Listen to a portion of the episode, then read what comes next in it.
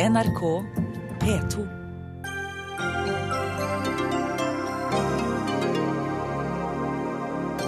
Monarkidebatten blusser opp under grunnlovsjubileet. Er tiden moden for å avskaffe arvelig makt, spør forfatter.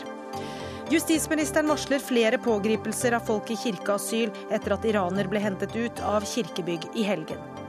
En gjennomsnittlig konfirmant kan vente seg gaver verdt til sammen 40 000 kroner. Kan de kan få samme problemer som andre nyrike, tror økonom.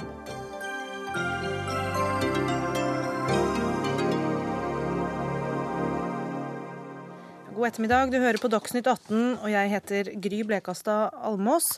Aller først til mannen alle snakker om når det går bra, og alle snakker om når det går dårlig, og i dag snakker i hvert fall alle om Petter Northug.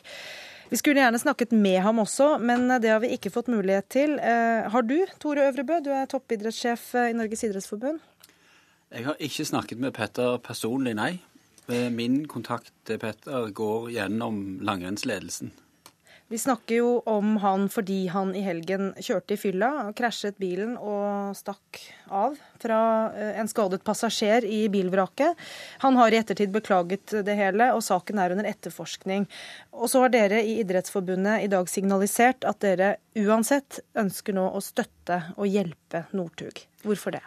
Ja, altså det Petter har gjort, er veldig, veldig dårlig. Det er negativt. Det bryter omtrent med alle verdiene vi har i norsk idrett. Så det er utgangspunktet. Men samtidig så er jo Petter en person. Og Petter har eh, gått for Norge og tatt en bøtte med medaljer. Og vi har vært eh, glad i hans prestasjoner og han eh, som person. Og nå gjelder det å hegne om Petter som Petter, og så får vi ta de andre tingene etter hvert. Og det gjør dere også, selv om han teknisk sett ikke er deres ansvar, fordi han har valgt å være på utsiden av landslaget? Det er riktig. I april så fikk han et tilbud fra langrenn om å være med på landslaget. Det takket han nei til. Så det er det de tar som utgangspunkt på hans relasjon til langrenn. Men dette går over disse problemstillingene, for nå er det Petter som person vi må konsentrere oss om. Og Det er viktigere da enn å signalisere eh, at det han har gjort, ikke er akseptabelt innenfor idretten? Nei, vi signaliserer at det han har gjort ikke er akseptabelt innenfor idretten, men vi er nødt til å ta vare på mennesket Petter Northug når han er i en sånn krise, når vi har hatt så mye med han å gjøre når han har vært på topp.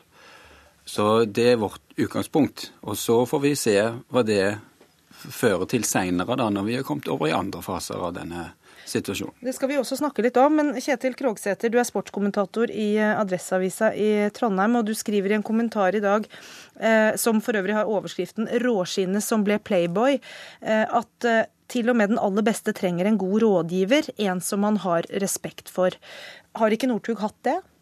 Nei, eh, det har han ikke hatt på en stund. og eh, han er, har oppretta sitt eget lag, eh, som, der han har valgt ut eh, alle sine medarbeidere. Og det har ikke blitt eh, noe sterkt lag på mange områder. Han mangler kompetanse på mange områder, men fremfor alt så mangler en, en sjef som kan sørge for å gi en gode råd og, og holde litt i nakken.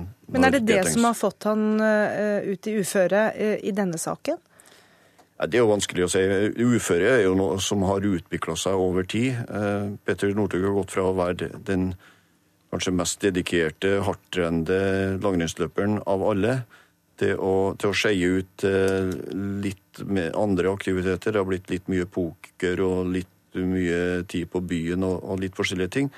Og, og, det her har jo da kulminert i den eh, veldig ubehagelige episoden på Byåsen du skriver at bilvraket han rømte fra eh, blir symbolet på en havarert skikarriere.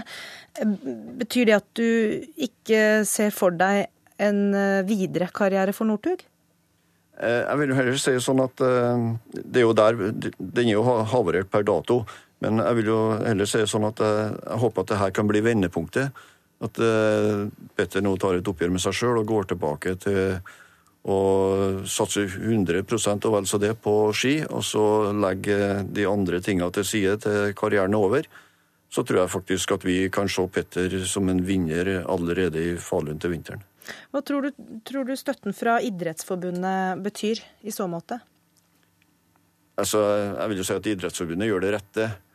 Eh, han fortjener jo støtte og medfølelse i den situasjonen han er nå, men etter hvert så trenger han jo også noen som stiller krav til seg. Eh, jeg vet ikke, eh, Tore Øvrebø, om du kan si noe mer konkret om hva denne støtten til Petter Northug nå vil gå ut på?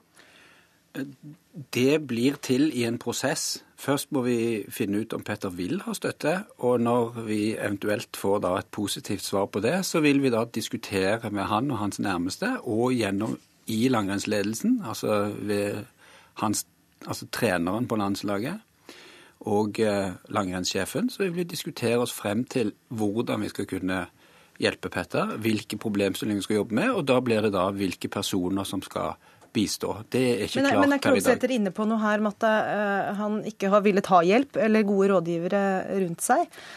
Ja, jeg tror Krogsæter er inne på noe viktig. Altså, Petter har valgt å gå ut av landslaget og oppgitt en del eh, motivasjoner for det, altså grunner til å gå ut av landslaget. Jeg tror at de ikke har vært helt uh, riktige i forhold til å ha en, en lengre karriere på toppen i en så krevende idrett som langrenn er internasjonalt.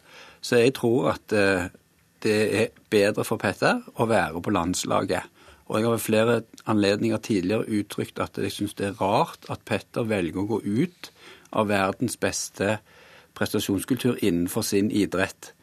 Så det kan jeg gjenta i dag. Jeg syns fortsatt det er rart at Petter har valgt det. Og jeg håper at han velger å gå inn i den kollektive modellen en gang til. Og der er det tryggere personer med bedre kompetanse og mer hva skal vi si, klarere verdiforankring. Men tror du de personene ville ha avverget det som skjedde på Byåsen i helgen? Jeg, jeg tenker at eh, Litt sånn som eh, Krogsæter tenker, at dette er en sånn følge av altså Det er mange valg som ligger i en rekke her. Og det er jo klart at hvis han er på et sterkt landslag med en trygg prestasjonskultur, hvor folk er veldig tydelige på hva som gjelder, hva som er riktig og galt, så er det vanskeligere å ta sånne valg som han gjorde i, i går natt. Jostein Overvik, du er sportskommentator i, i, VG. Hva tror du om eh, den videre veien eh, for Northug? Det tror jeg kommer veldig mye an på Petter Northug selv. Eh, for å gå den veien som han i og for seg hadde bestemt seg for å gå, og komme tilbake på det nivået han kanskje var på så sent som vinteren 2013, så må han legge ned en veldig stor jobb. Eh, jeg hadde inntrykk av at han hadde begynt den jobben. Nå eh, vil han automatisk miste fokus. Det vil bli masse ting som, som er snubletråder for han ned, eh, bortover i det året som heter, heter 2014, og over i 2015. Så det krever en enorm eh, motivasjon fra hans del. Men han har jo stilt seg sjøl i den situasjonen han er kommet i, da? Ja, selvsagt har, eh, har, han det. Og det er bare han selv som kan svare på om han har motivasjon eh, for å gå det tøffe løpet, hvor han først skal ta igjen det han mangler, og så skaffe seg det lille forspranget som gjør at han kan vinne mesterskapet igjen. Det er en meget, meget tøff jobb, og det er det bare Petter Northug selv som kan Eh, svare på om han eh, klarer. Men så er jeg sikker på eh, at det er masse mennesker i Norge som er innstilt på å hjelpe en angrende synder, som jeg oppfatter at han er. Hvis han har den holdningen tvers igjennom, så tror jeg man kan finne omforente løsninger også i forhold til Olympiatoppen, Norges Skiforbund og sponsorer som er gode. Men da må Petter Northug virkelig ønske det selv, og det krever jo en må jeg si, da, en ganske stor eh, holdningsendring fra den egoistiske og arrogante tingen han gjorde natt til, eh, til eh, søndag. Hvor man selvsagt skal være sjeleglade for at ikke menneskeliv gikk tapt. Ja, Nå har han jo sagt at han angrer på det og er skuffet over seg selv. Eh, er det et tegn på at en holdningsendring allerede er eh, på vei, eller er det noe man på en måte må si ja, dagen nei, men, derpå? Eh, klarere wake-up-call enn det her går det jo ikke an å få. Og jeg er jo litt enig med Kroksæter, som sier at han har sett tegn på dette her i lang tid. Og at det ikke er en tilfeldighet, sånn jeg tolker det, da, det som skjer nå eller det som har skjedd, at det er utslag av en livsstil som ikke er helt forenlig med, med å være verdens eh, beste idrettsutøver i noe. Eh, og så får vi se om Petter Northug da eh, virkelig vil skifte retningen til den personen han var så utrolig mange år før VM i Holmenkollen i 2011, hvor han gjorde en fantastisk treningsjobb. Petter Northug har et rått talent, men han hadde aldri fått ut det talentet hvis han ikke hadde trent for det. Og Det er spørsmålet om han har gjort det da, de siste tre årene. Kjetil Reinsberg, du er administrerende direktør i Eiendomsmegler 1 i Midt-Norge og en av Petter Northugs mange sponsorer. Hvordan syns du han forvalter sitt ansvar som forbilde med denne saken? Aller først så må jeg si at eh, det her er en handling som vi i i Midt-Norge tar fullstendig avstand fra. Og det synet det er tilkjennegitt også overfor Petter. Men Petter står nå foran sin, eh, sitt livs tøffeste kamp på veien tilbake til verdenstoppen i skisporet. Er du sikker på at han vil det? Ja, ja vi føler oss veldig trygge på at han vil det. Eh, så det tror vi på. Og, og vi har jo fått mye spørsmål i dag om hvordan vi forholder oss til sponsoravtalen. Og, og vi i Eiendomsmegleren har valgt å støtte Petter på hans vei tilbake. For vi føler det å være sponsor innebærer å være til stede for han akkurat nå. Og det er nettopp nå vi tror at det er viktig at vi står der og støtter opp om veien videre tilbake til skisporet. Selv om du da eh, mener at det han har gjort ikke eh, er forenlig med eh, den rollen han, han har? Ja. Og det, Sponsorer og avtalepartnere reagerer jo ulikt her. Det er flere som gjør som dere, altså støtter. Og så er det eh, noen, bl.a. arrangørene av sommerskiskolen i Aure, som bryter kontrakten eh, med ham på bakgrunn av det som har skjedd. Hva syns du om det? Ja, jeg skjønner det, fordi at man har ulik forskjellig ståsted for å vurdere det. Der eh, skal han sikkert være ved å undervise barn.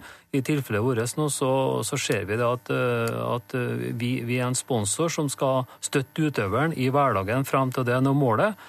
Og vi føler at Petter ligger så mye ned nå, og nå skal vi stå der og støtte den, for vi føler at det er nå han trenger oss mest. Det er også mye eh, støtte å få. Eh, samtidig så er det jo fryktelig mye snakk om dette og mange eh, ulike reaksjoner rundt omkring. Står den oppmerksomheten og de reaksjonene i forhold til forseelsen, Tor Øvrebø? Det er jo klart at når Petter han er jo da sannsynligvis Norges mest profilerte utøver. Det har han også vært selv om han ikke lykkes i skisporet i vinter så er det jo klart at når fallet blir så stort, så vil også oppmerksomheten bli enorm. Og det er jo og Dere går jo i flokk, så når den ene nyhetskanalen går med, inn med full styrke, så henger den andre på. Og Men har, Fortjener han det, eller uh, blir det for mye? Ja, Det vil jo håndteringen de neste dagene Nå har jo Petter vært nærmest i skjul. Han har gitt noen signaler via noen godt formulerte eh, pressemeldinger. Eh, så sånn sett nå så er det jo den første fase, den er jo helt umulig å unngå. Så nå vil det jo se, vise seg hvordan dere oppfører i dagene framover. Om dette har proporsjon med forseelsen, eller om det går helt av skaftet. Ja, men mener du, mener, mener du helt... at mediene altså Har ikke Northug sjøl et ansvar for det han har gjort? Er det, er det, overraskende at mediene snakker om det? Forteller Nei, om det? Overhodet ikke. Jeg sier han er så profilert og en så dyktig utøver og har hatt så mye oppmerksomhet. Og så har han jo hatt litt sånn wild guy-image en stund, og nå smeller det ordentlig og går skikkelig galt. Det er jo klart at Da må dere bare henge på, men det vil jo vise hvordan dere håndterer dette fremover, da, om det står i proporsjon. I dag gjør det det. Det er jo klart at dette må få oppmerksomhet. Det får også oppmerksomhet i utlandet, i andre langrennsnasjoner. De er jo opptatt av dette, de prøver å få kontakt med oss og sånn. Så, så det, det syns jeg står helt i stil. Men det er fremover som er avgjørende om dette er OK, eller om det blir for mye. Og Det vil jo bare tiden vise. Da ja, Da kan kanskje Kjetil Krogsæter eh, i Adresseavisa si noe om hvordan han vil forholde seg til eh, Northug framover? Ja, det er klart at eh, akkurat nå så er Northug eh, det som folk snakker om, og, og det påvirker oss alle sammen til å diskutere den saken til man kommer fram til noen løsninger. Det, etter Northug bør nok snarest komme på banen og prøve å legge den banen død ved å fortelle hva framtida hans skal bestå i. Uh, han er nå en uh, veldig redusert merkevare. Verdien på Northug-navnet er betydelig redusert. og sånn som jeg ser det, så har han egentlig bare én måte å gjøre det på, det å, å rette opp det her på, det og, og begynne å gå fort på ski. Jeg vet ikke om VG forholder seg til det på samme måte framover, Overvik? Jo, det er klart. Det er jo helt riktig som det blir sagt her, at dette er den saken alle snakker om. Og da er jo medieverdenen kommet dit at vi lager ikke ett oppslag i døgnet lenger. Vi lager i VG, da, så har vi et team som er kompetent til å lage to-tre oppslag på VG-nett i løpet av en time. Og det er denne saken verdt, mener du? Ja, det mener jeg. Eh, ut ifra lesertall, interesse og skandalens omfang, for dette er en skandale. Og da setter vi strek der. Eh, takk til eh, Jostein Overvik i VG, Kjetil Reinsberg i Eiendomsmegler 1, Kjetil Kroksæter i Adresseavisa og Tor Øvrebrød, som er toppidrettssjef. Dagsnytt 18 alle hverdager klokka 18. På NRK P2 og NRK2.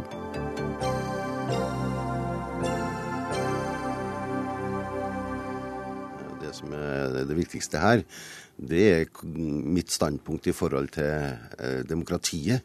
Eh, og mitt syn på, og mitt prinsipp i forhold til at jeg mener at lederne våre skal velge uansett. Om det er et parti, eller om det er regjering, eller om det er eh, øverste, øverste statshode, så mener jeg at vi skal velge det. Det er demokratiet. Jeg er bare født oppdratt med det. Sånn skal det være. Det var også Fremskrittspartiets nestleder Per Sandberg som i morges gikk ut og erklærte seg som eh, monarkimotstander, etter eh, først å ha avslørt dette i boka di, Kjetil Alstadheim. Eh, 'Republikken Norge' heter den, og den kommer ut i morgen. Der avslører også en av statsrådene at hun er republikaner. Hvem er det? Det er næringsminister Monica Mæland. Som vi har prøvd å få tak i i dag, men som ikke kunne være med oss, eh, dessverre. Hvorfor har ikke disse fremtredende politikerne tidligere flagget sine ståsteder, tror du? Det sier vel litt om hvor den debatten ligger, eh, sånn generelt sett. At det, er, eh, det oppleves, sånn som Monica Mæland forteller i, i, boka, som litt ubehagelig å ta opp diskusjonen. Fordi det blir oppfattet som at du at du, hvis du er imot monarkiet, så liker du ikke kongefamilien. Uh, det, så Da blir det vanskelig å få en, en prinsipiell diskusjon om hva slags statsform skal vi ha. Det blir mer en diskusjon om uh, liker du kong Harald eller ikke. Og de fleste liker jo kong Harald. Så det, og da, da, blir det veldig vanskelig for Da oppfatter de det veldig vanskelig å gå inn i diskusjonen. Men er det en viktig debatt å ta når de meningsmålingene som har vært, viser at kongehuset jo står støtt? Jeg syns eh, grunnlovsjubileet er en veldig god anledning for å ta den. Fordi det vi feirer, er jo 200 år med, med demokrati og med prinsippet om folkesuvereniteten som ble slått fast eh, på Eidsvoll. Eh, som betyr at, eh, at vi sa farvel til det kongelige eneveldet, der kongen legitimerte sin makt hos Gud, og vi fikk folkesuvereniteten der Stortinget Eh, baserer sin eh, makt på folket. Og så har vi hatt en gradvis eh, utdypning og forsterkning av, av, det folkestyret gjennom de 200 årene, med parlamentarismen og allmenn stemmerett i 1913 og sånt. Mens det som henger igjen, er en slags arvesynd, da, ved at vi fortsatt har et arvelig monarki. Ja, Du kaller det en arvesynd, og er altså ikke veldig tilhenger av monarkiet sjøl, skjønner vi? Nei, det stemmer. Du er jo da journalist i Dagens Næringsliv, og i tillegg til å være forfatter av denne boka. Nils August Andresen, du er ansvarlig redaktør i det konservative tidsskriftet Minerva, eh, også omtalt i boka for øvrig, eh, hvor du er referert på følgende utsagn. Monarkiet er verken udemokratisk, gammeldags eller eh, utdatert. Hvorfor er det demokratisk å la makt gå i arv? Eh, demokratiet består av mange ulike eh, funksjoner. Eh, det mest åpenbart direkte demokratiske er parlamentet, som er direkte folkevalgt. Så har alle demokratier en del andre institusjoner som er mindre direkte demokratiske og skal være det. Sånn som Høyesterett, som er den viktigste, og i Norge også monarkiet.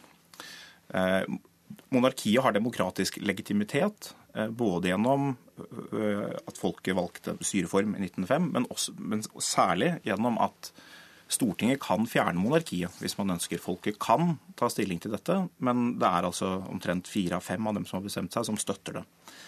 Eh, det er ikke utdatert, det er gammeldags, men det er ikke utdatert fordi veldig mye av monarkiets gode sider ligger i den lange historien som har gitt det veldig høy legitimitet i befolkningen. Og Det som er veldig viktig i den rollen som vi ønsker for statsoverhodet i Norge, er at det skal være eh, en rolle som har veldig høy legitimitet. Og det er veldig krevende å få til. Men Ville man ikke fått en enda høyere legitimitet ved at eh, det var en valgt person? Kunne, det er mange måter å ha en presidentrepublikk på. Eh, og Utfordringen med det er at da får du måte, to direkte konkurrerende organer med folkelig legitimitet. Veldig mange presidentrepublikker henfaller til en sånn strongman. Jeg tror ikke det ville skjedd i Norge. Eh, men, men, det er en krevende side ved det. Det man typisk får, er en person som har ganske lav legitimitet, altså som folk ikke bryr seg om. Eksempler på det er f.eks. Tyskland. Det vi har i Norge, er en person som faktisk nyter veldig høy legitimitet. Eh, og det er veldig positivt for den rollen han skal utføre. Både som en slags form for motmakt i ekstreme situasjoner, men også som et samlende eh, symbol for det politiske Norge, som også gjelder for valgets tapere til enhver tid. Er ikke det riktig at det ville vært vanskelig for eh, si, en hvem som helst å få den samme standingen i folket? Jeg tror det er veldig vanskelig for, vanskelig for oss å se for oss det nå, fordi så, det er en så uvant tanke.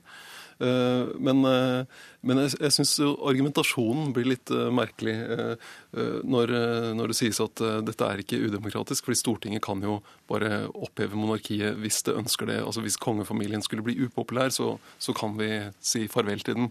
Men det er jo ikke sånn at vi sier at hvis en kommune har en veldig populær ordfører, så avlyser vi valget, og så venter vi med valg til befolkningen står med høygafler og fakler og roper utenfor rådhuset. Vi har valg hvert fjerde år, og så kan folk eventuelt gjenvelge eh, den ordføreren og de representantene hvis de er fornøyde med det. Ja, altså, vi, Stortinget kan heller ikke avsette høyesterettsdommere, f.eks. Uh, poenget mitt med at det er demokratisk, er at vi har valg hvert fjerde år, som du sier. og Det er der makten springer ut fra. Og folke, Det den folkeavstemningen i 1905 måtte viser, er at også monarkiet er underlagt det samme. Også dens makt springer ut av folkesuvereniteten. Den, makten ligger til syvende og sist hos folket, og det er det ikke noe tvil om i Norge. Det er ingen som betviler at om folk ønsker det, så kan de bytte ut kongen. Det er ikke det samme som at uh, man, han er på valg personlig hvert fjerde år. Det er to forskjellige ting. Altså, vi kan, hvis folk ønsker det, så stemmer de for, og partiene tar opp, at vi fjerner monarkiet. Og Det er altså en, en løpende prosess. Det kan vi gjøre hele tiden hvis vi ønsker det. Men Asheim, du skriver her at eh, landet nå har fått et kronprinspar som kunne vært funnet opp av et PR-byrå. Eh, hva mener du med det?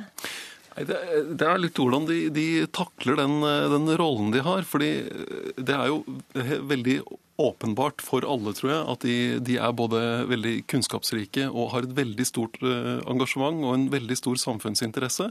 Samtidig sliter de med å, å pakke dette engasjementet sitt inn i et format som passer med den nøytrale rollen som de skal ha. Hvordan sliter de? Nei, de, de, de, eh, Hver gang de beveger seg ut, nærmer seg den samfunnsdebatten som de er opptatt av, så må de være forsiktige med å, å gjøre noe som oppfattes som kontroversielt. Og Vi så utspillet fra Per Sandberg i dag, at, det, at noen oppfatter det som kontroversielt allerede. Ja, for så, han, han, sier jo da at de ser venstrevridde ut og tar dem til inntekt for en politisk holdning. ikke sant? Ja, Så, så da, da, må de lage sånne innpakninger som, som blir liksom ukontroversielle, sånn som dette Dignity Day-prosjektet til kronprinsen, som han har fått inn i store deler av eh, norsk skole uten at, eh, at noen eh, har gjort noen vurdering av er dette pedagogisk riktig, er dette et klokt opplegg å lage, der, der elevene skal komme med det han kaller verdighetshistorier, i stedet for at man har en debatt om om vanskeligere temaer. altså hvordan, eh, hva, hva, skyldes fattigdom, hva skyldes ulikhet? Hvorfor har vi eh, tiggere i gatene i Oslo? Ja, Andresen, Kan det ikke bli litt sånn uthult og tomt, da? nettopp fordi de skal eh, tilfredsstille alle og ikke kan, kan eh, ha innhold i det de driver med? Det, det samme ville i noen grad gjelde en, en valgt president, som, hvis det skulle være en mer apolitisk rolle. Men, men jeg tror i noen grad så er den problemstillingen som beskrives her, er noe som ofte gjelder for kronprinsen. og jeg tror mye av Det samme gjaldt for så vidt for kong Harald da han var kronprins. Eh, og Det er en rolle som ikke er helt klart definert konstitusjonelt, og som er krevende å fylle. Eh, det ser jeg. Men ellers så, så reagerer jeg på Sandbergs beskrivelse. Jeg syns den er uheldig av flere årsaker. For det første så, eh, så er jeg ikke enig i at de fremstår som spesielt politiserte eller politiske. Altså det, det, de gjør, er at de følger ofte opp det som er fellesnorske politiske prioriteringer med veldig bredt flertall, og det vil et statsoverhode eh, måtte gjøre. Vi må, eh, vi må, faktisk eh, runde av, men jeg vil bare helt avslutningsvis spørre dere begge to om hvor lenge dere tror vi kommer til å ha et monarki her i landet? Jeg ser ikke noen, noen god grunn til at det nødvendigvis vil måtte, endre seg. Det som er klart er at Hvis kongehuset på en eller annen måte skulle skjøtte sin oppgave dårlig, så vil den debatten bli eh, mye mer relevant. Men norske, ikke bare den norske kongefamilien, som har masse gode medlemmer, men også den norske institusjonen, monarkiet, eh, har en god evne til å få gode resultater og til å produsere bra eh, monarker. Det mente altså Nils August Andresen i Minerva. Hva mener du, Kjetil Alstein? Nei, det, Oppslutningen om kongefamilien er jo veldig stor. Så jeg tror de kan holde ut eh, en god stund eh, lenger. Det kommer litt an på hva som skjer i andre land også. Og så kommer det an på hva kongefamilien selv velger. Syns de det er riktig at en, eh, et barn som Ingrid Alexandra skal vokse opp med forventninger fra fem millioner mennesker og med en fremtid beskrevet i Grunnloven? Eller bør hun som andre barn kunne velge sin livsvei?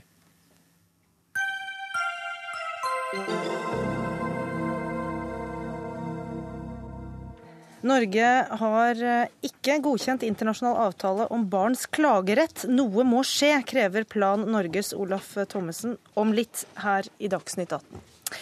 Men vi skriver jo mai, og det er høysesong for eh, konfirmasjoner. Eh, årets konfirmanter får i gjennomsnitt gaver for nesten 40 000 kroner hver. Det viser en undersøkelse Ipsos MMI har utført for DNB. Og Silje Sandmæl, eh, du er forbrukerøkonom i DNB. Hva er forutsetningen for at man som konfirmant skal få så mye som 40 000 kroner? Så det er jo Jeg tenker altså det er veldig mye penger på én gang. Så, så, konfirmanten som da blir nyrik, eh, kan være litt farlig. fordi at eh, man, eh, Særlig hvis man ikke har fått veiledning. Så jeg tenker at foreldrene har en jobb å gjøre nå før, og ikke minst rett etter konfirmasjonstiden. Men det er altså et gjennomsnitt. Ja. Eh, og hvor mange gjester må du ha, hvor rike foreldre må du ha for å, å komme opp i en sånn sum? Hva altså, sier undersøkelsen om det? Ja, det er jo litt avhengig av selvfølgelig hvor mange gjester som kommer. Eh, det de sier er gjennomsnitt 30 eh, gjester. Men så er det jo sånn at eh, tanter, onkler, besteforeldre de gir i gjennomsnitt 1700 kroner.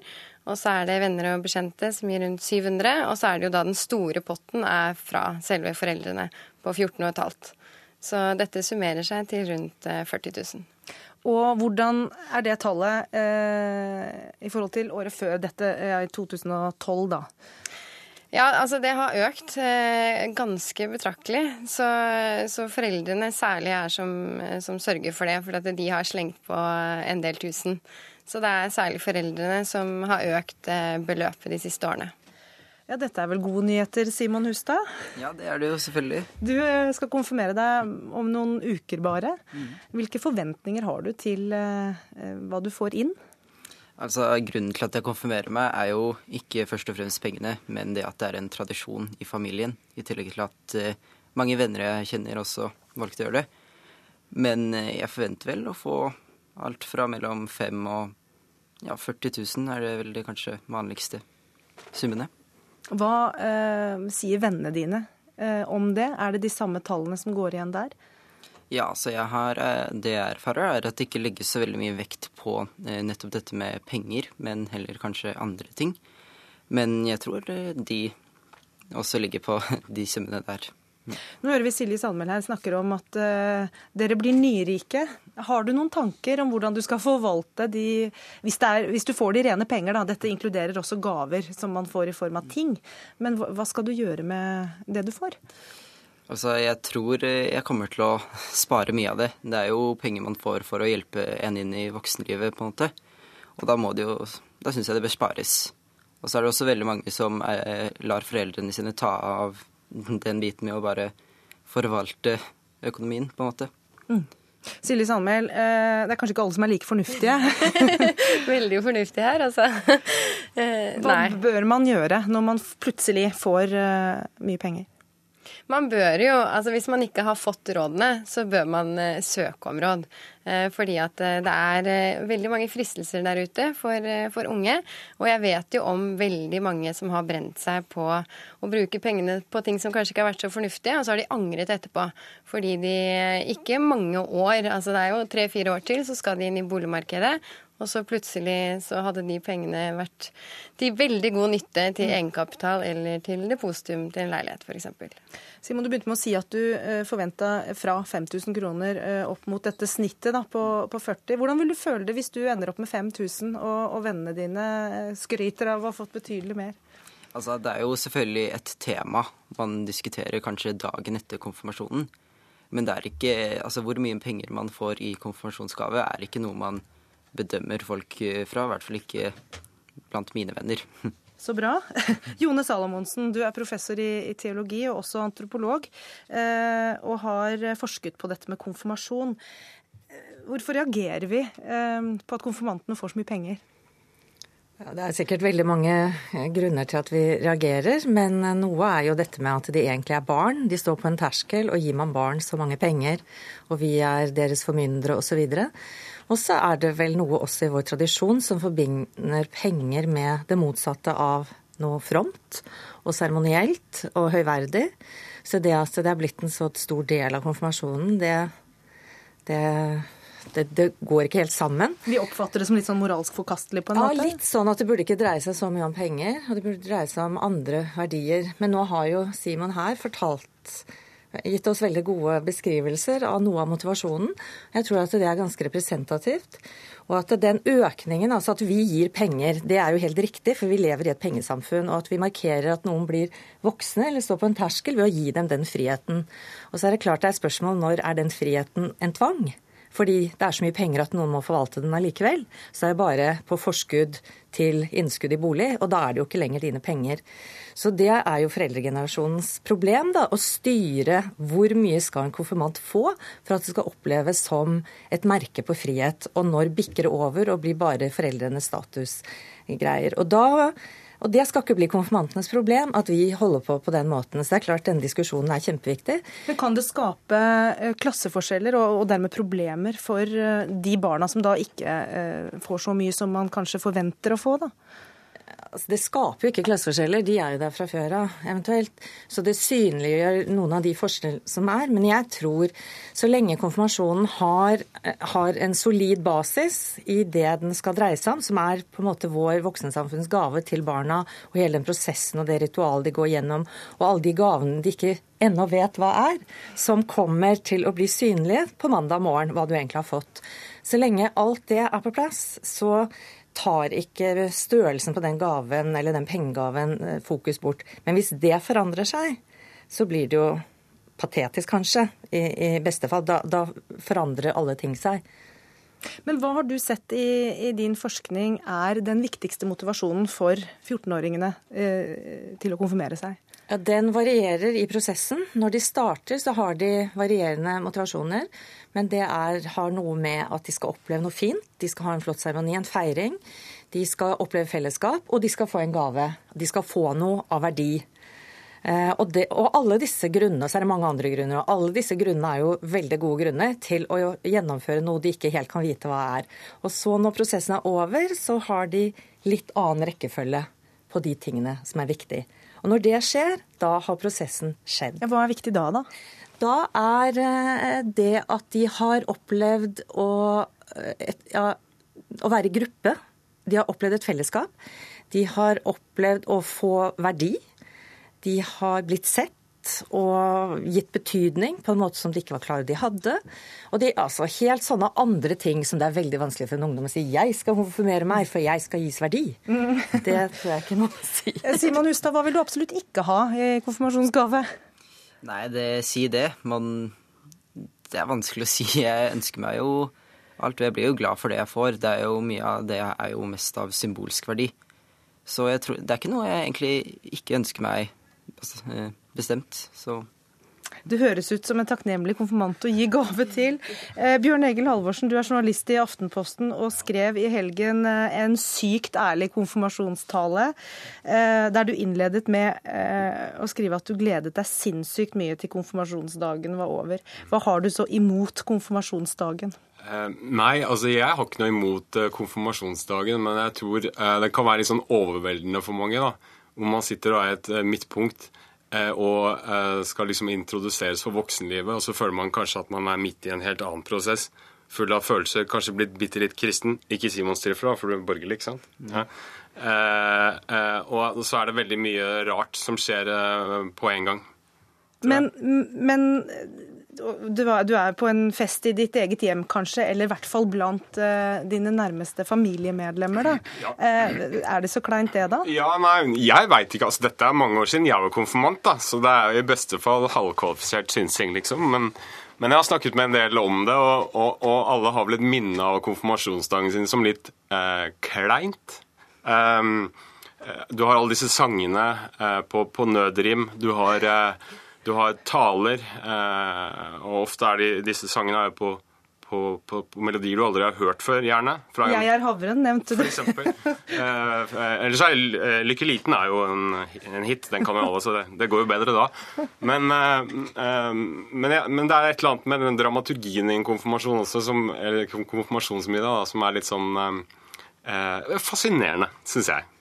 Du skriver bl.a. at uh, denne onkelen, da, jeg vet ikke om det er din egen konfirmasjon, jeg, som, som, bare gir 250 kroner. Du får ikke særlig mye fordeling, liksom litt kritisk der. Uh, Altså, min inngang til det sånn økonomisk Jeg mener jo at konfirmanter fortjener hver eneste krone de får, med tanke på hva de utsettes for under denne konfirmasjonsdagen. Så jeg syns de bare skal nyte hver eneste krone de får, og bruke det på akkurat hva som passer dem begynt å grue deg litt nå, når du hører hvilken opplevelse enkelte har uh, hatt på konfirmasjonsdagen sin? Jo, det er vel ikke til å unngå at det blir eh, litt kleint, men eh, jeg tror likevel det kan bli en, i hvert fall en koselig dag, da. Det håper vi du får. Eh, avslutningsvis så kan ikke du bare lese slutten på denne eh, sykt ærlige konfirmasjonstalen din, for den syns jeg var litt fin. Ja, jeg vet jo ikke hvor treffsikkert det var, var da, etter, etter, å ha hørt på Simon her, men OK. Eh, men tusen takk for alle gavene. Awesome! Hva tror dere jeg skal bruke pengene på? Barbermaskin? Spare til lappen? Sette dem på høyrentekonto? Sorry! Fjortiser i dag er ikke sånn som i 1980. Ting forandrer seg, liksom. Så når, dere får takkekortet med det oppstilte bildet jeg snart skal ta utenfor treet i hagen, har jeg brukt opp mesteparten allerede på svindyr sushi, nytt skateboard og ulovlig kjøpt øl. Så der fikk også forbrukerøkonomen noen tips om hva det som faktisk prioriteres. Kanskje. Takk til Bjørn Egil Halvorsen i Aftenposten, Silje Sandmæl, eh, forbrukerøkonom i DNB, Jone Salmonsen, professor i teologi, og konfirmant Simon Hustad.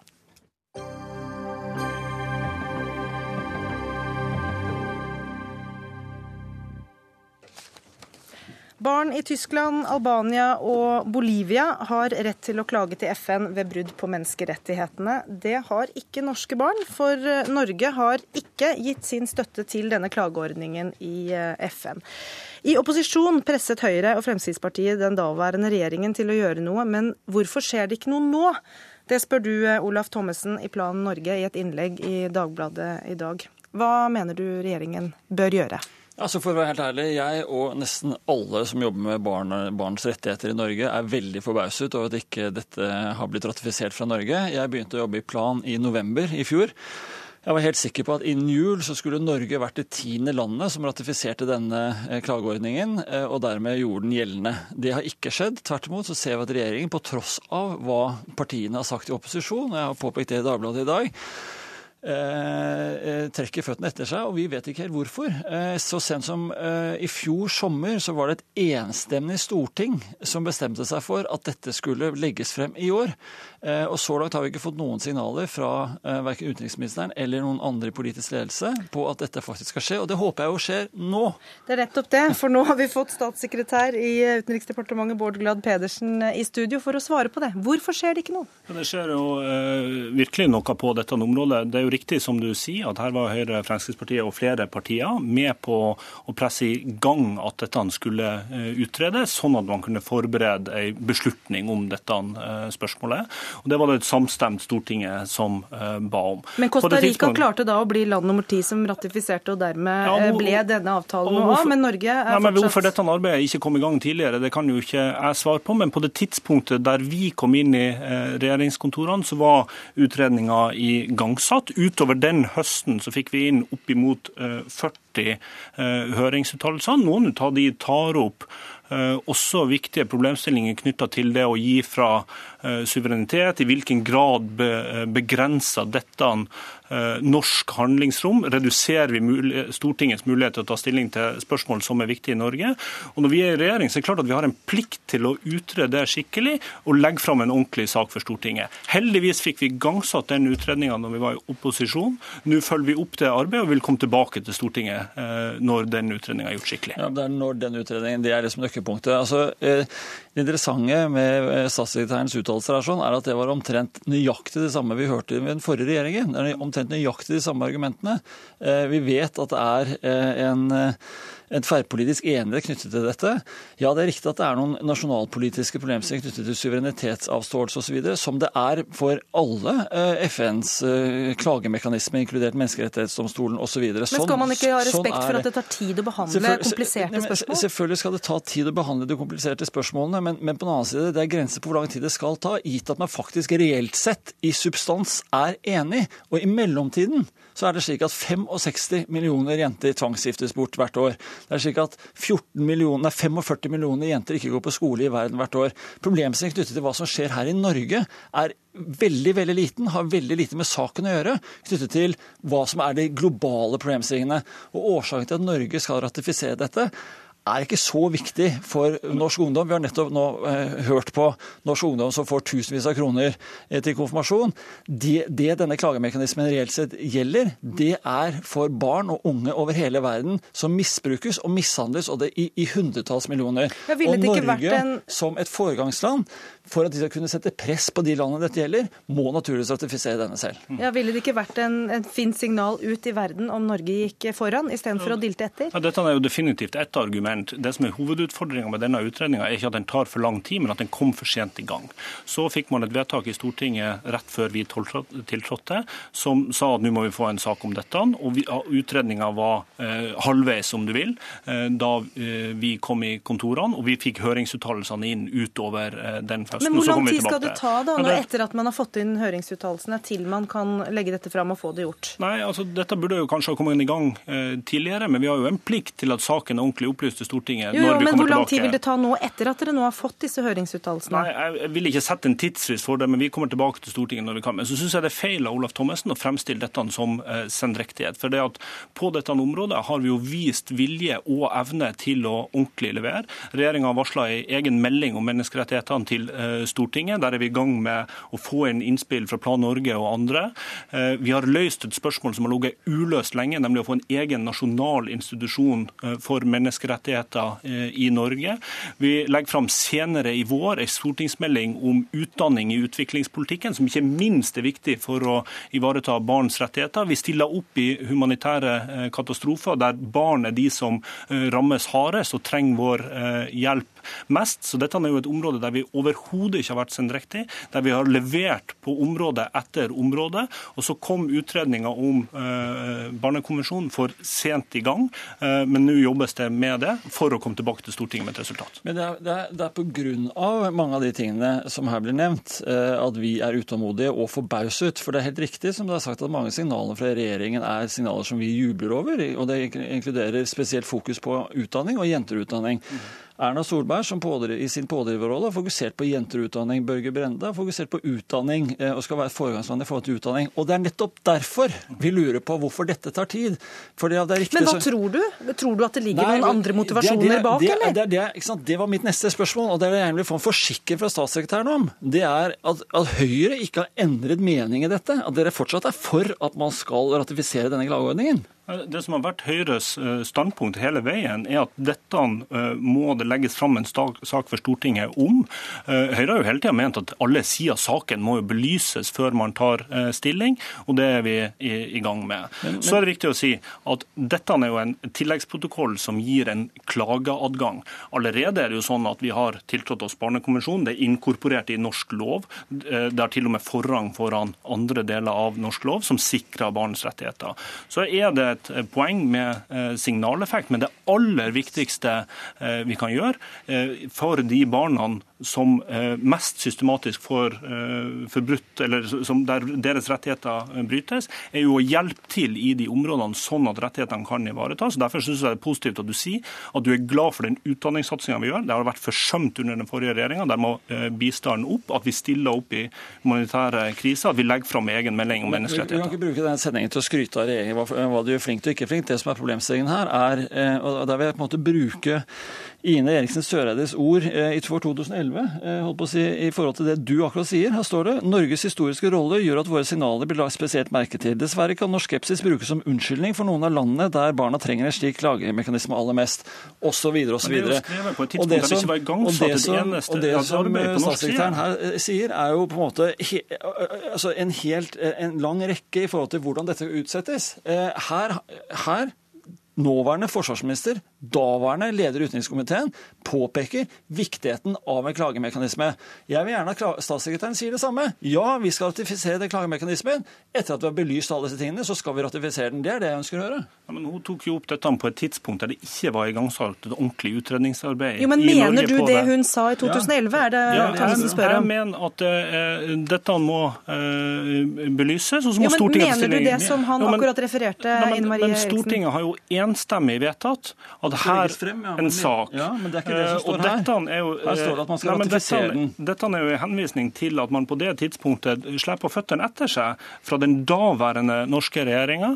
Så senere enn det ble denne tilleggsprotokollen vedtatt i FN. Så senere enn det igjen, okay. så vedtok Stortinget okay, at nå må det gjøres et arbeid på norsk side. Hva er Høyres standpunkt? Til denne klageretten? Nei, Standpunktet er at det skal vi ta stilling til når utredninga er gjennomført. Det er jo hele poenget Så Høyre har ikke tatt stilling til det faktiske her? Nei, det, det er jo et helt enstemmig storting som har, som har beslutta at uh, det må komme en sak ja, da, til Stortinget om det, dette, og så skal man ta stilling. Altså, det interessante her det er at Høyre sier det som Høyre her nå sier. Dette er oppsiktsvekkende. Dette er helt nytt i forhold til hva nesten alle barnerettighetsorganisasjoner har oppfattet så langt, og ikke minst basert på det som står i Dagbladet i 2011. 2011. Vi har vært helt trygge på, helt tydelige, trygge på både Høyre, Frp, KrF og Venstre altså bak arbeidet for å ratifisere, ikke for å analysere om vi skal ratifisere. Har alle disse misforstått da, eller har dere endret eh, holdning? Nei, jeg, jeg skjønner ikke begrunnelsen for å si det. Det var et enstemmig storting.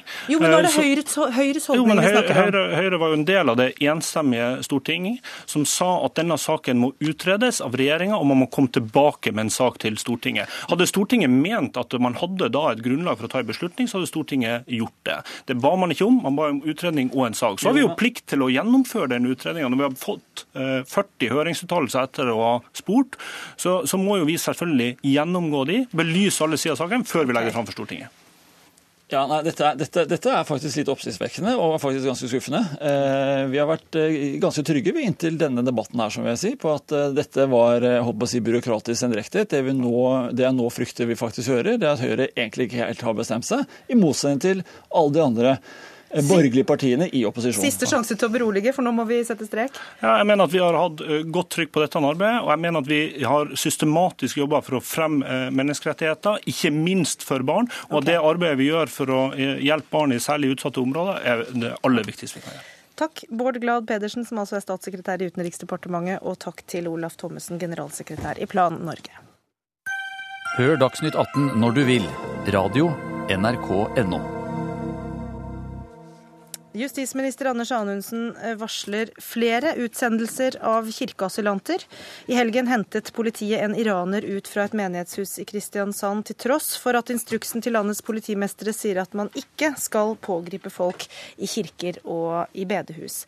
Og Justisminister Anders Anundsen, eh, betyr det at dere har innført en ny praksis? Nei, Det betyr at faktabeskrivelsen din er feil. Eh, politiet har ikke vært inne i et menighetshus eller et kirkerom og hentet ut noen asylsøkere. De har vært i en tilstøtende bygning eh, hvor det er en bolig eh, hvor vedkommende har oppholdt seg. Og Det er helt i samsvar med den instruksen som har vært gjeldende siden 1999. Deler du den beskrivelsen av denne bygningen, Viggo Skagestad? Du er altså da pastor i Philadelphia, Kristiansand, der eh, iraneren ble hentet ut? Vi har nok forskjellige oppfattelser av det. At vi, vi, er på en måte på flyttefot som menighet og leier et bygg som består av tre bygg.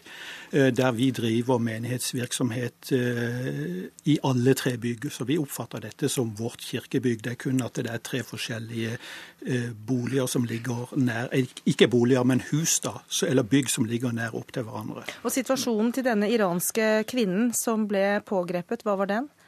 Nei, altså det er jo klart det er jo en belastning å sitte i kirkeasyl. Det er jo ikke, det er jo ikke noe ønskelig verken fra vår side, jeg tror heller ikke fra departementets side. Det skjønner vi jo heller ikke fra den det gjelder. Men når frykten for framtida blir så stor at en må velge mellom to onder, så har vi valgt å støtte henne i dette og være med henne i dette. Så det er jo det som ligger til bunn. Ja. Hvorfor var det så viktig eh, å fjerne henne fra denne bygningen som da var, tilhørte et kirkesamfunn?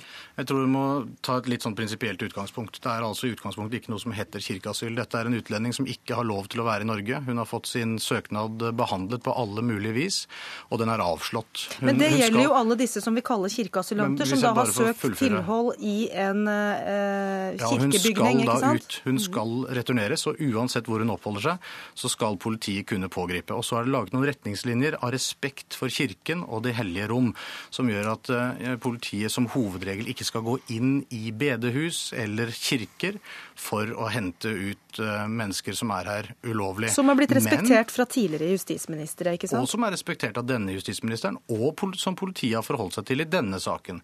Men det er et veldig snevert unntak, nettopp fordi vi ikke skal stimulere til at folk som skal ut av landet, skal forsøke å unndra seg norsk rett. Og jeg syns jo egentlig at eh, menigheten her er den som har noe å svare for. For det de gjør, er å bidra til at mennesker som har fått endelig avslag, som ikke har rett på beskyttelse basert på de lovene og reglene Stortinget har vedtatt, og et lovlig fatta vedtak i forvaltningen, skal unndra seg utsendelse. Jeg syns det er hovedproblemet i den saken. Det, og det må du gjerne mene, men eh, det er klart at vi ser litt forskjellig på hva som er kirkebygg. og For oss er disse tre byggene kirkebygg. og jeg tenker Hvis en skal gå inn i denne saken, det som skaper rå frustrasjon, det er jo at det brukes så mye energi, så mye ressurser. og Det er faktisk ikke så lenge siden justisministeren satt i opposisjon, og de brukte så mye energi, så mye kraft på å si at nå må vi få ut eh, fundamentalistiske islamister, vi må få ut de kriminelle, vi må få ut narkolangerne.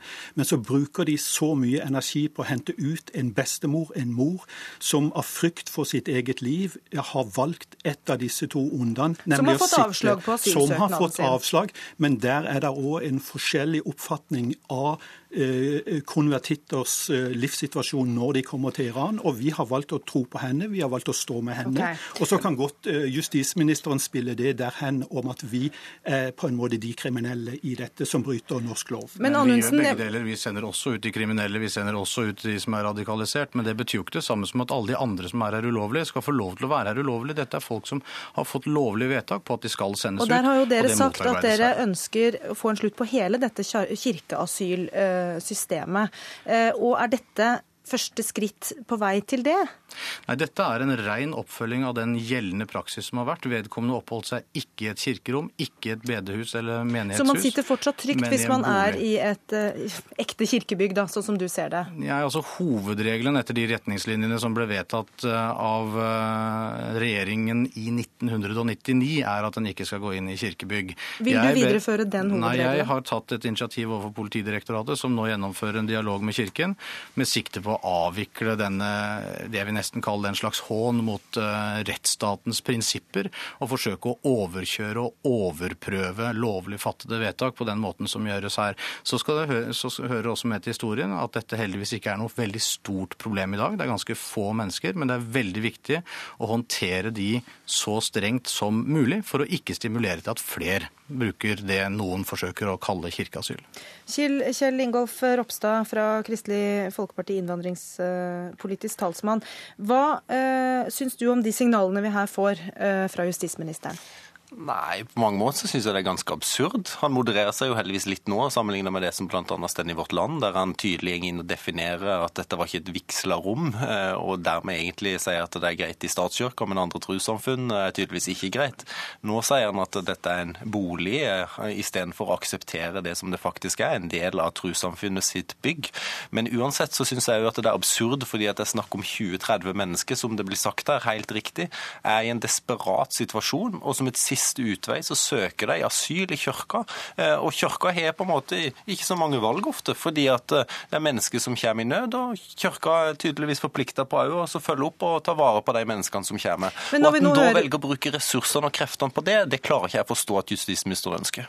Men eh, jeg syns det er litt underlig at du siterer meg på noe jeg ikke er sitert på. Jeg har forholdt meg til denne instruksen hele veien, og den er faktisk vedtatt av en regjering som Kristelig Folkeparti var med på. Og denne pågripelsen og utsendelsen er 100% i samsvar med den instruksen. De vurderingene som er gjort, er i samsvar med den instruksen. Og så handler dette om at alle som får endelig avslag på en asylsøknad, som mener de har rett på beskyttelse, er i en desperat og vanskelig situasjon.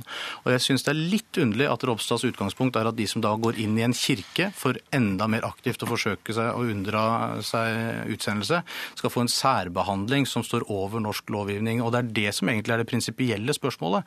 Er det sånn vi vil ha det? At uh, vi skal stimulere til den typen ordninger. Og Det er derfor og det er bare for å ha sagt det, det, er, der, det er derfor jeg syns det er viktig at vi håndhever de bestemmelsene som Stortinget har vedtatt at vi skal håndheve, på en skikkelig og ryddig måte. Ja, men Poenget er jo at dette er et betydelig mindretall som ikke gjør det av noe særlig glede. Det er jo på en måte som et fritt menneske å velge å gå inn i fengsel istedenfor å bli sendt ut i kanskje fare for å bli drept i dette tilfellet. Og Det er jo ikke sånn at det er noen som egentlig ønsker ordninga med kirkeasyl, men en siste utvei for mennesket. Og I årtider i historien har vi akseptert at kirke det er noe hellige bygg, hellige rom, og der skal en akseptere at mennesker kan søke, eh, søke nød. Du, du, kan ta, bare ta statskirka. Når du kommer inn i kirka, så er det et våpenrom der en satt ned seg våpnene fordi at en hadde respekt for det hellige rommet når en gikk inn. I krig så eh, blir ikke kirker angrepet begrepet fordi det er hellige bygg. Og På samme måte så mener jeg at vi bør som stat ha respekt, ikke gå med politimakt inn i ei kirke og velge å ta ut mennesker som opplagt er i en desperat situasjon. Og så er jeg enig med at det er ingen som heller ønsker at de i utgangspunktet skal være i Norge. Det kan jeg for så vidt være enig i prinsipielt, men det bør òg være respekt for det hellige rom. Men her er jo Ropstad helt på linje, så jeg skjønner ikke helt hva kritikken går på nå. Vi har altså ikke gått inn i et hellig rom. men du sier at du vil det? Du vil hele denne ordningen til livs? Men jeg har sagt at vi ønsker i dialog med Kirken å få en avvikling av dette. Det betyr jo ikke det samme som at vi skal gå inn i kirkerommet og hente ut, men når de beveger seg utenfor kirkerommet, utenfor bedehuset, så er det åpenbart at politiet har en plikt til å pågripe og sende ut, akkurat som de har for absolutt alle andre. Men du overstyrer det pastoren sier, Kjørkesson. Nå, nå slipper vi Viggo til. Et øyeblikk, nå blir det Viggo Skagestad som skal få snakke. Eh, altså, det er jo det vi prøver å si, at dette er et hellig rom, hvis en skal ha den definisjonen på det. Det er en del av menighetshus og menighetslokale. Det er en del av vår drift. og Jeg har veldig lyst til at justisministeren kan definere hva er et vigslabygg. Du, du sier kirke, bedehus, men er ikke det vi holder på med et bedehus, der mennesker møter, søker Gud?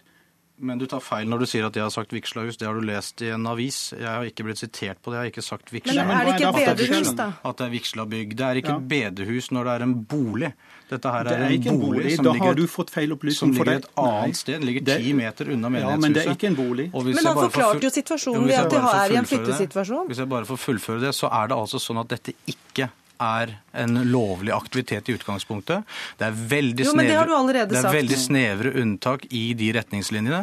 Og det er overhodet ikke opp til menighetene selv å definere hva som er et hellig rom og ikke. Men uansett så er jo det nye at vi har en justisminister som syns at det er veldig viktig å gripe inn og få kasta ut alle som er i kirkeasyl. Og det er en ny endring og en tydelig beskjed ut til politiet, som ikke vi iallfall støtter, og som du ikke er flertall for i Stortinget heller. Men det som er jo et poeng, programleder, er jo at dette dreier seg om konvertitter. Eh, og det er mennesker som har konvertert fra en religion, i dette tilfellet tror jeg det var islam, og over til kristendom, eh, og som staten på langt vei stiller store spørsmålstegn med. Og Det er for så vidt greit at en skal stille spørsmålstegn med om en er rett konvertitt, men der har vi òg en avtale med regjeringa om at en skal undersøke og gå gjennom videre hva reglene skal være, fordi at det nettopp i, i mange tilfeller stilles altfor store spørsmålstegn etter vårt skjønn, der en vet at kirke og Nå, nå har vi mindre enn ett minutt igjen, Anundsen, og jeg vil gjerne vite også hvordan det går med denne kvinnen. Hvor er hun nå som ble eh, fjernet fra dette kirkerommet? Bare for å si til Ropstad, du er lovgiver. Jeg forventer at du ønsker at norsk lov skal følges, uavhengig av hva som er bakgrunnen for det. Og nå må det. du svare meg hvis du skal få lov til å fortsette å snakke, for jeg er nødt til å avslutte. UDI eller i UNE. Hun ble plassert på Trandum eh, og skal derfra transporteres ut av Norge. Hun er ikke uttransportert ennå? Ja, når det faktisk har skjedd, det er jeg ikke sikker på, men hun blir da som, helt, eh, som vanlig plassert på Trandum i påvente av endelig uttransport. Om hun har forlatt landet akkurat nå, det er jeg ikke sikker på. Takk skal du ha. Vi er nødt til å bryte av Anders Anundsen, Kjell Ingolf Ropstad og Viggo Skagestad. For det var slutten av Dagsnytt 18 i dag. Ansvarlig Dag Dørum, Lisbeth Sellereite og Gry Blekastad Almås i studio.